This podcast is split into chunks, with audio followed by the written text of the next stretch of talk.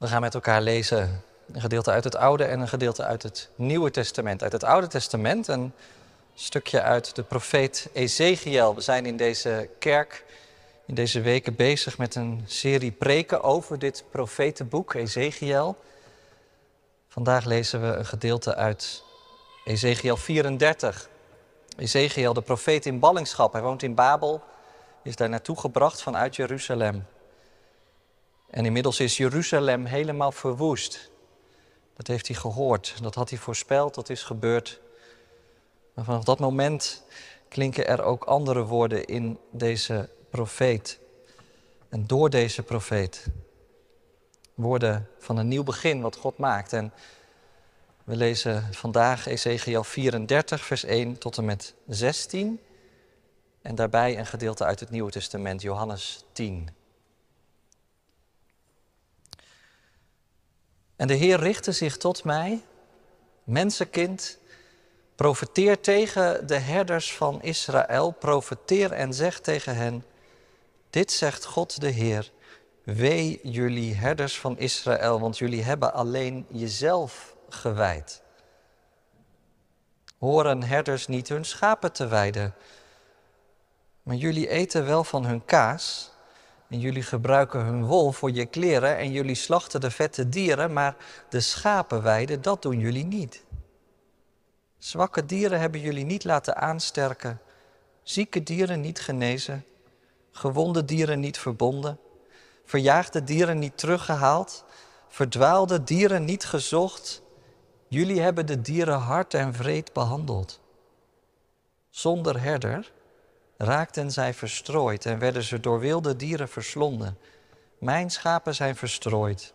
Ze dwalen rond in de bergen en hoog in de heuvels. Over heel het aardoppervlak raken ze verstrooid en er is niemand die naar ze omziet. Niemand die naar ze op zoek gaat. Daarom, herders, luister naar de woorden van de Heer. Zo waar ik leef, spreekt de God, de Heer. Mijn schapen hadden geen herder ze werden weggeroofd en door de wilde dieren verslonden. En jullie herders keken niet naar mijn schapen om. Jullie hebben alleen jezelf gewijd, maar niet mijn schapen. Daarom, herders, luister naar de woorden van de Heer.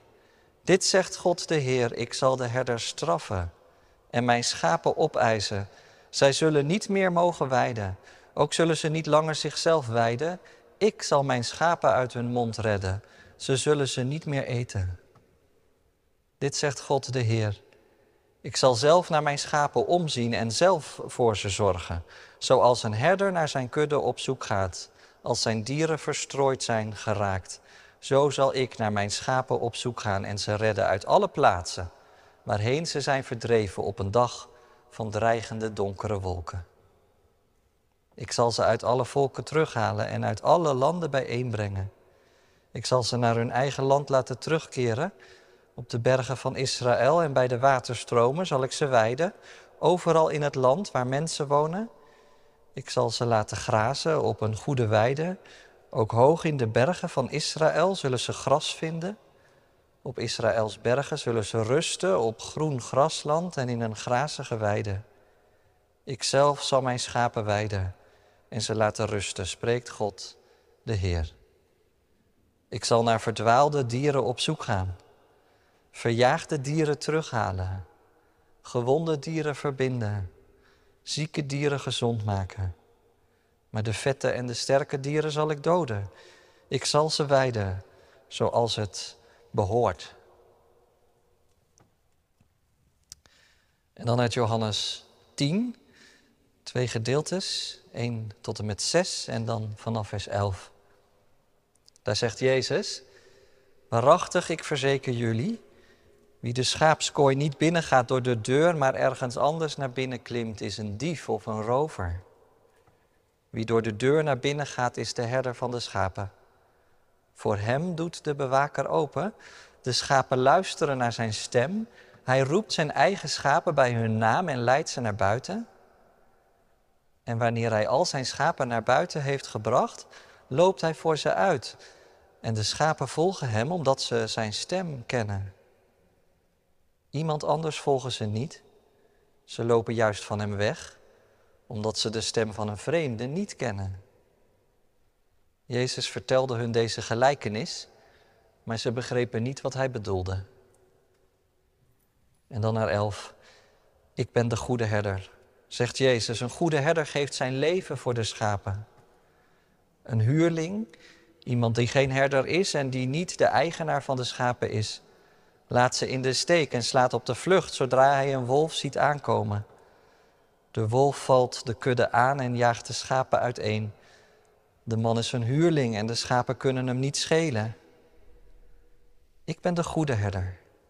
Ik ken mijn schapen en mijn schapen kennen mij, zoals de Vader mij kent en ik de Vader ken. Ik geef mijn leven voor de schapen. Maar ik heb ook nog andere schapen die niet uit deze schaapskooi komen. Ook die moet ik hoeden. Ook zij zullen naar mijn stem luisteren. Dan zal er één kudde zijn met één herder. Dit is het woord van God. Gelukkig ben je als je het hoort en eruit leeft. Amen. Vanuit die gedeeltes die we lazen kun je natuurlijk allerlei lijnen trekken naar vandaag.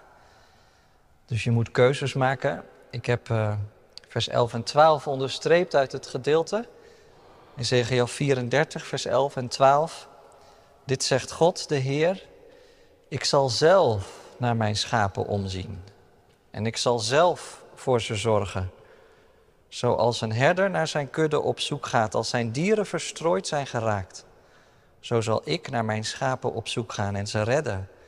Uit alle plaatsen waarheen ze zijn verdreven op een dag van dreigende, donkere wolken. Gemeente van onze Heer Jezus Christus, broeders en zusters, mensen die thuis met ons verbonden zijn. En vanochtend natuurlijk ook jullie, doopouders. Misschien kwam die vraag net al even bij je op toen, toen het over dat doosje ging en die stem. En die stem van God. En dat je zegt, ja, maar hoe, hoe hoor je die stem van God nou? Wat is dat dan voor stem? En wanneer hoor je die stem? Toen ik daar wat over na zat te denken deze week, moest ik denken aan een aantal jaar geleden. Toen wij nog in ons appartement hier in Zijdebalen woonden, vlakbij. En ik samen met onze dochter Franka in de parkeergarage beneden in de kelder naar mijn auto liep. Op een maandagochtend misschien. Ik weet niet precies, maar ze was net vier jaar oud en, en ik bracht haar naar school. En eerlijk gezegd, het was niet mijn beste dag. Sowieso heb ik soms wat moeite in de ochtend om op, op gang te komen. En misschien zijn er wel mensen die dat herkennen. Maar goed, er zat van alles en nog wat in mijn hoofd. Ik was aan het piekeren. Liep allemaal niet zoals ik had gehoopt. En toen ik door de parkeergarage liep, begon ineens Franka een liedje te zingen. Jezus is de goede herder. Jezus, hij is overal. Jezus is de goede herder brengt mij veilig naar de stal. En op een of andere manier raakte me dat enorm. Want dat was nou precies wat ik nodig had op dat moment. Het waren natuurlijk woorden die niet zomaar uit de lucht kwamen vallen. Een briefje uit de hemel of zo. Nee, het waren woorden die Franke had geleerd op school, misschien net in groep 1. Of hier op de kindernevendienst. Maar het waren wel woorden die door haar heen tot mij gesproken werden. En die mij hielpen om de dag weer in te, in te gaan. Nou ja, dat lied, Psalm 23 over de goede herder, ik zei het al, dat is niet een nieuw lied, dat zijn eigenlijk hele oude woorden. En dat beeld van een herder, dat kom je ook eigenlijk in de hele Bijbel wel tegen. En dus ook in het stukje dat we lazen uit Ezekiel, die profetie in hoofdstuk 34. En je zou kunnen zeggen, dat is niet een profetie die vooruitkijkt, zoals veel profetieën, maar dat is eigenlijk een profetie die achteraf terugkijkt. Een soort analyse van de tijdsgeest. Zoals je die trouwens vandaag de dag ook wel tegenkomt. Wat is er eigenlijk aan de hand in onze tijd en, en hoe zijn we terechtgekomen waar we zijn?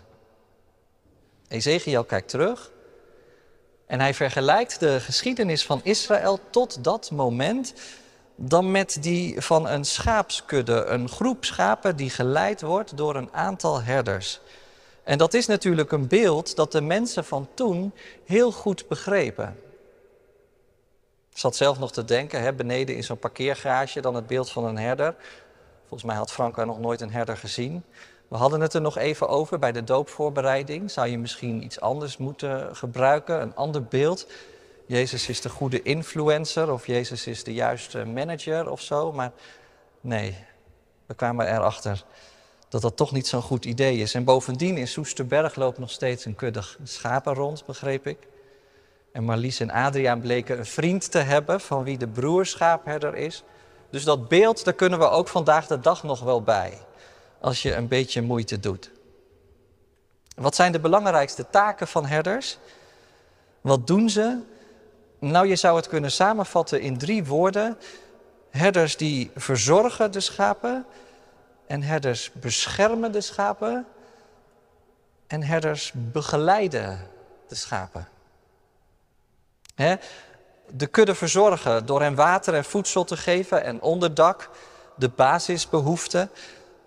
De kudde beschermen tegen roofdieren, tegen diefstal en allerlei gevaren van buitenaf. Geen enkel schaap in de steek laten of uit het oog verliezen. En de kudde begeleiden op weg naar groene weiden en naar wateren, naar bronnen waar je kunt drinken. En ze kunnen die kudde zo goed begeleiden omdat ze al die schapen kennen, één voor één. Al die verschillende karakters. Een echte herder die ziet het. Jij bent zo en jij bent zo en jij hebt dit nodig en jij dat. Dat is wat een herder doet: verzorgen, beschermen, begeleiden. En ja, als je dan Ezekiel 34 leest, die analyse van de tijd en die analyse van de geschiedenis van Israël, dan zegt Ezekiel, dat hebben jullie nou precies allemaal niet gedaan. Jullie wilden een koning lang geleden en jullie kregen een koning, eerst Saul en daarna David. Die werd notabene letterlijk bij de schapen vandaan gehaald. En sindsdien waren er steeds weer koningen. Maar wat was het voortdurend misgegaan?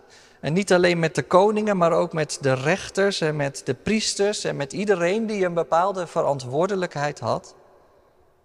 Jullie keken niet naar de schapen om, zegt Ezekiel. En daardoor zijn ze verstrooid geraakt. Het is van kwaad tot erger gegaan. En er is nu niemand meer die naar ze omziet. Ze dwalen rond in de bergen en hoog in de heuvels.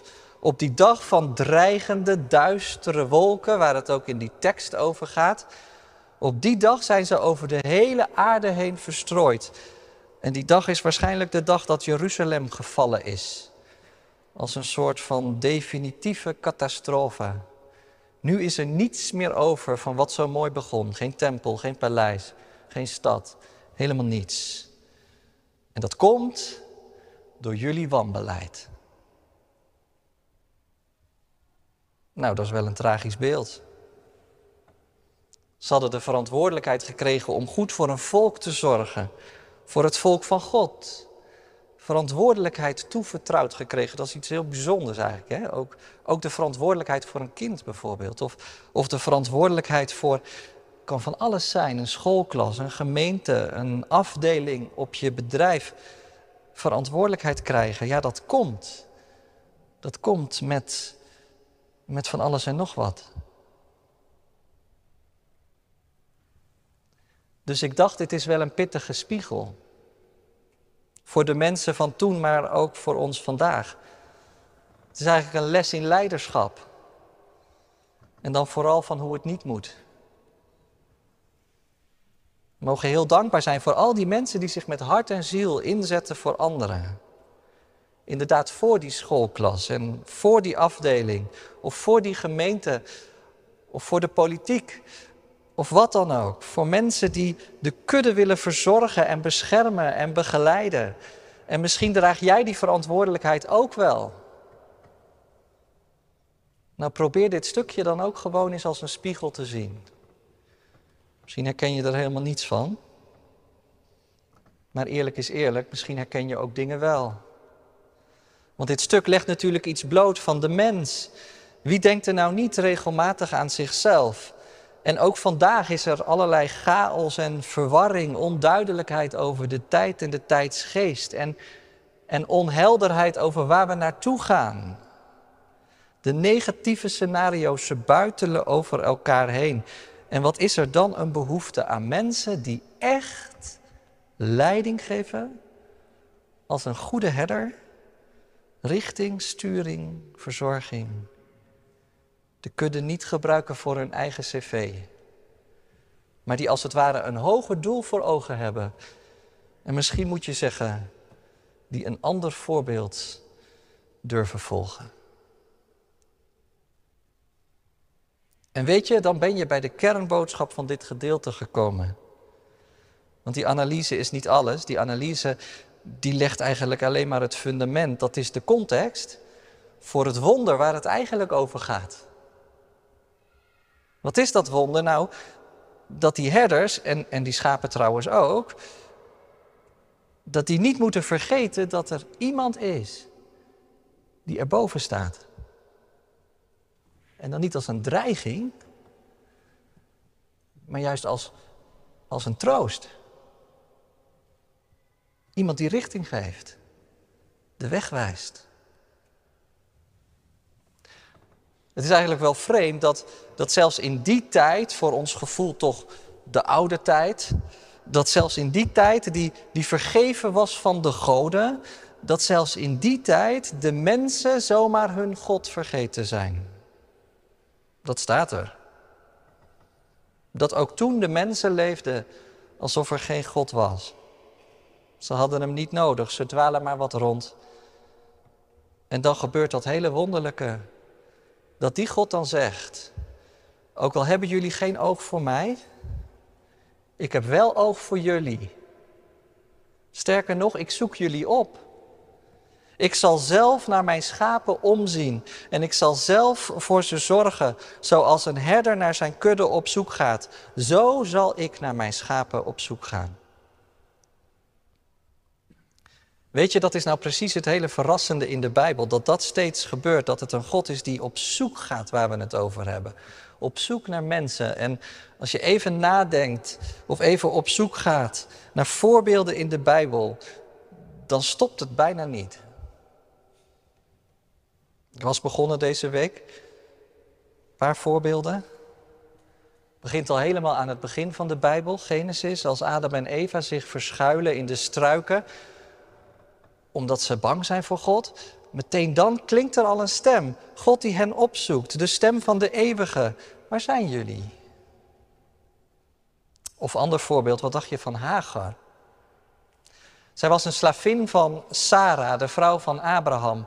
En ze was opgegroeid in de tenten van Abraham, maar op een gegeven moment was haar zoon Ismaël geboren. En die kreeg ruzie met Isaac, zoon van Sarah. En Hagar die wordt eruit gezet. Ga maar weg, de woestijn in. En ze eindigt ergens bij een struik. Helemaal dorstig. Met een klein kind. Twee vluchtelingen, een moeder en een kind. Hoe moet het verder gaan? En dan komt er iemand aan. Nota bene de engel van de Heer, lees je in Genesis 21. En die zegt, wat is er Hagar? Wees gerust, ik heb je gezien en ik zie je nog steeds. Een laatste voorbeeld, de profeet Ezekiel zelf. Wat dacht je daarvan? En van al die ballingen om hem heen. Zo ver weg in hun thuisland. Migranten ook. Ze waren heel ver bij Jeruzalem vandaan en bij de tempel waar God woonde. Maar een paar weken geleden hebben we dat visioen gezien uit Ezekiel 1, weet je nog? Van die troon. En die troon die had wielen, zodat God met die troon helemaal naar Babel kon komen. Weer die zoekende God, hè? Die zijn volk achterna gaat. Dat is wat Ezekiel ziet. Ik ben de Heer van de hemel en de aarde en ik zit op de troon. Maar dat betekent niet dat ik ver bij jullie vandaan wil zijn. Nee, ik kom naar jullie toe.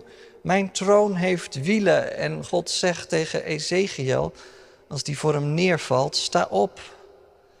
want ik wil met je spreken.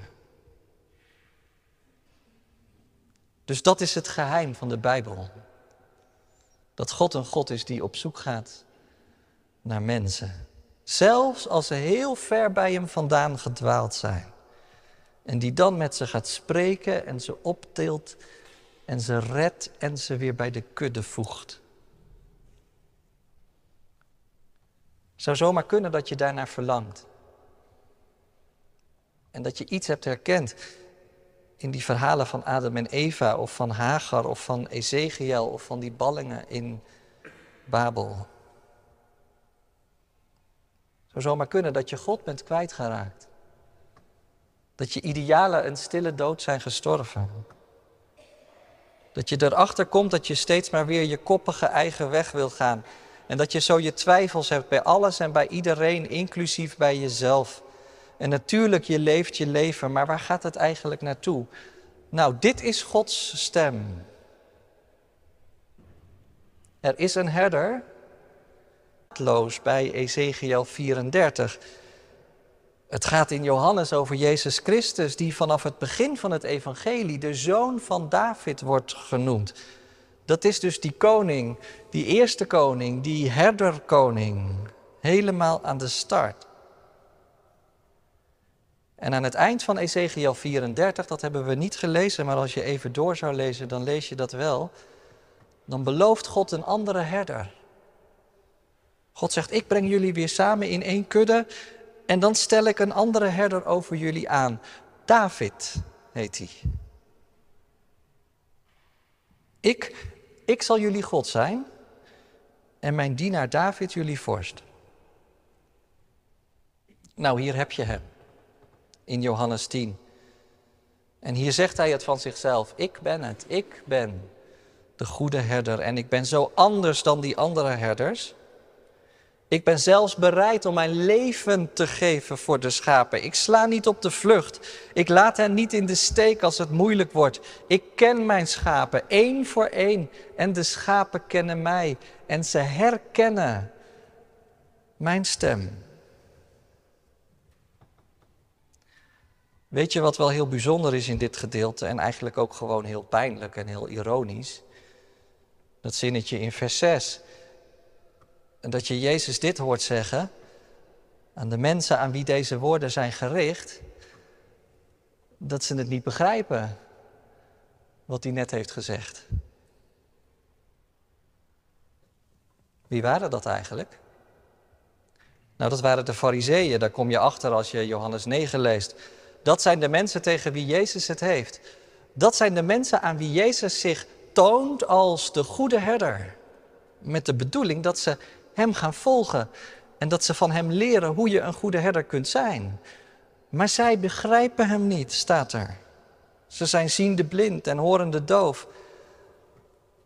En hoe kan een blinde een blinde leiden en een dove een dove? Ze moeten de stem van God leren verstaan. Dat maakt jou tot een goede herder of tot een gelukkig schaap. En hoe versta je die stem dan? Nou, daar kun je van alles over zeggen. Maar in ieder geval dit. Denk nog even aan dat kindermoment. Je gaat die stem verstaan door hem steeds beter te leren kennen en te herkennen. En hoe doe je dat dan? Nou, door dicht bij Jezus te blijven. Meer over Hem te leren. Meer van Hem te horen. Meer over Hem te praten. Meer proberen te doen wat Hij deed. Meer proberen te zien hoe Hij de zonde van de wereld en die van jou wegdroeg. Je meer en meer verwonderen over wie Hij is. En dan leer je zijn stem steeds beter kennen. Echt waar. Vanmorgen begint dat voor jullie kinderen, Isaac en Eva, bij de doop. Dat indrukwekkende moment waarop God als het ware zegt: Ik zie jou en ik weet van jouw bestaan en ik kom nu al naar je toe als degene die jou vandaag opzoekt en elke dag van je leven. Als degene die jou wil redden. Als de goede herder die jou wil verzorgen en beschermen en begeleiden. Ik wil mijn naam aan die van jou verbinden. Mijn naam die alles zegt, ik ben die ik ben. En ik zal zijn die ik zijn zal. En jullie mogen als ouders de komende jaren die woorden van God steeds weer doorgeven aan jullie kinderen. En jullie mogen hen als goede herders verzorgen en beschermen en begeleiden. En ze laten zien van wie de goede herder is. En voor ons allemaal geldt dat de doop van jullie kinderen ook voor onze getuigenis is. Elke keer als er gedoopt wordt in deze kerk, klinkt er ook een stem. De stem van God. Die door mensen, door gebeurtenissen heen spreekt. En zeker hier in zijn huis, waar die wonen wil. De belofte van nieuw leven, ik laat je niet los. Luister naar mij en volg mij. Je hoeft niet te dwalen in dit leven, want ik breng je veilig naar de stal. Amen.